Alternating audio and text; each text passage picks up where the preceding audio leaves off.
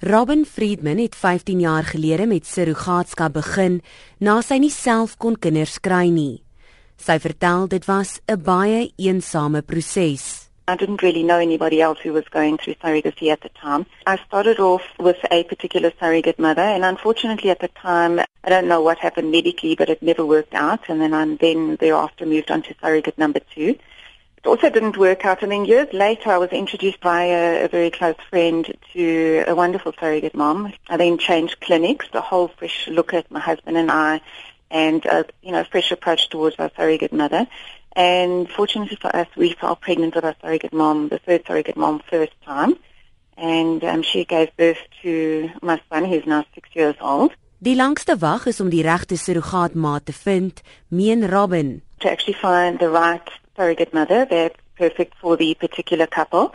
Once a couple is introduced to a surrogate mother, the process can take about two months before papers are lodged in court, sometimes a little bit earlier if the parties speed up the process by going through all the requirements in terms of the Children's Act. And once you are lodged in court, you could be heard within a month. So I'd say from the time of introduction to starting your treatment, approximately three to four months. How do you go about finding a surrogate mother? I think it's generally by word of mouth. There are agencies in South Africa which may introduce you to a surrogate mother free of charge. Um, generally, people like us or the fertility clinics um, keep a record of the surrogate mothers on their books as soon as they come along, and they would then introduce the surrogate to their couples free of charge. Would it be more difficult if one would ask a family member to be a surrogate? I think there are certain complications which arise by using a family member. For example, if you have a sister-in-law doing it for a brother's wife, um, they can sometimes create long-term complications. There can be a breakdown in family relationships as a result of it. A lot of resentment, a lot of guilt can play out. Family members do qualify provided that they are checked medically and psychologically. Sy sê sy het net die regte gevoel gehad oor haar derde surrogaat ma. And I think that's what happens when you finally meet the surrogate mother that you have a very good I always say gut feel about, a very strong intuition that you know that this is going to work out very well for all of you. It can be such a tremendously peaceful, calming process for all parties.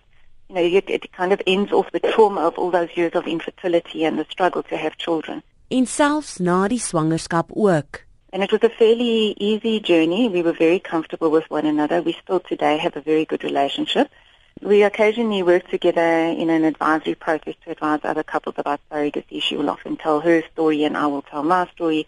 Very solid boundaries in place. She didn't encroach upon our space and we respected her life and her family time. And once you show appreciation towards your surrogate mother and you have gratitude towards her for, for the tremendous sacrifice that she is doing for you as a parent, I mean, I think the relationship will pan out fairly well. Maar sy herinner dat surrogaatskap nie 'n maklike opsie is nie. The decision to appoint a surrogate mother is normally a medical decision, or if you're a gay couple, a gay male couple, it's because you're unable to give a birth to a child by conventional means. And it's not for people that don't want to pick up weight. You have to have a, a serious medical condition in terms of South African law warranting the choice of a surrogate mother. You're also, in terms of the law, required to be categorized as being unable to give birth to a child. The requirements are quite stringent. En boonop jou 'n paar honderd duisend rand uit die sak kan jaag. Today we're advising couples to bank on approximately 250 to 320,000 rand surrogate mother dependent. Think the bulk of your cost will always be the cost of your fertility treatment because that is astronomically expensive. Um, during the surrogacy process, in terms of South African law, you're not allowed to pay your surrogate mother.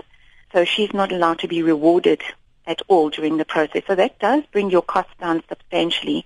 But she must be reimbursed for all medical expenses. She must be placed on a medical aid. She must also be placed on life insurance and disability cover to make sure that she's protected during the pregnancy and her loss of earnings must be protected throughout the surrogacy process. Robin sê sy het net dankbaarheid gevoel teenoor haar surrogaat ma wat haar kind gedra het. I was so at peace knowing that my baby was being carried in a healthy environment and a nurturing environment um, because I was unable to carry a child myself. Um, it was a tremendous sense of relief for me to just hand that over to a third party with a trust and I trusted her implicitly, and I knew that she was going to take absolutely fantastic care of this baby and this pregnancy. Hofstukke sal na verwagting van dese week by die konstitusionele hof ingedien word, rakende die jongste hofsaak oor surrogaatskap. It was in our interest to see that this unjustified law was changed, and we found it to be incredibly beneficial to many of our commissioning parents who were both, you know, in a situation where both partners were infertile, where they were not allowed to use the um, services of a surrogate mom, where they had to use what we call double donor gametes, donor egg and donor sperm in a surrogate mother. So we're extremely pleased with this result. We're extremely excited that the judge declared it to be unconstitutional, and we're looking forward to be going to the Constitutional Court to have this order confirmed. Dit was Robin Friedman. Karen Kapel, 'n ma van twee seuns, vertel sy het nie veel daaroor gedink nie, maar het altyd geweet sy sal bereid wees om iemand op dië manier te help. I was working with a colleague of mine and we were just chatting one day. We were just talking about surrogacy and infertility and I said, you know, that's something that I could definitely do for someone. And that was that. And then a few years later, the same person approached me and she said that she knows someone that is looking for a surrogate mom. Would I like to meet with her? And I said, with pleasure. Let me see how I can help. And that was it. We went from there. Kapel moes deur 'n keuringsproses gaan. There were physical processes like um, I had to go through blood tests and medical examination to see that I was medically fit. But then also there's a screening process emotionally. So I had to consult with a social worker to see that I was also psychologically fit to go through with the surrogacy. What counseling did you receive during the process? I received a lot of counseling prior to doing the surrogacy.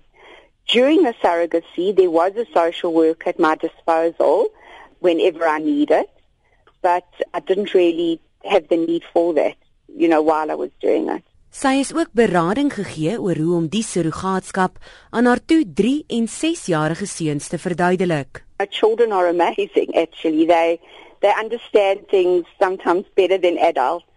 And basically I said to them that they met the parents and I said to them this mommy's tummy's broken and I'm going to be carrying their baby for a little while until it gets big and strong and then I'm going to give this baby back to their parents. and they understood it perfectly. They really did. It had no negative impact on them whatsoever. Maar hoe voel dit om 'n kind te dra wat nie joune is nie? I was overjoyed when I found out I was pregnant, overjoyed for the couple that I was doing it for. I can't explain it gave me a higher purpose, that's all I can say, and an amazing spiritual journey that I could share um, with a couple that wanted a child. Na sy die lewe geskenk het aan 'n gesonde baba, het sy verkies om kontak tussen haar en die gesin te beperk. I felt that my journey with this family, with this couple, how it was very positive, but I felt that that journey had come to an end and I didn't feel that I wanted to have regular contact with them anymore. I've got my own children, my own life, and I just felt that that was the healthiest way to go and I did that very easily. Indien sy kon, sou sy weer die geskenk vir 'n ander paartjie wil gee. If I was told that I could physically do it again, then I would. In fact, straight after I had this one, I actually asked the doctor because it was such a positive experience for me if I could ever do it again. And he basically said, you know, because I've had three Caesars, he said like he wouldn't recommend me doing it again. But from all other aspects, definitely. It was a really enriching experience to give in, in, in such a manner. Dit was Karen Kapel, 'n surrogaat ma. Ek is Melissa Tuggie vir SABC nuus.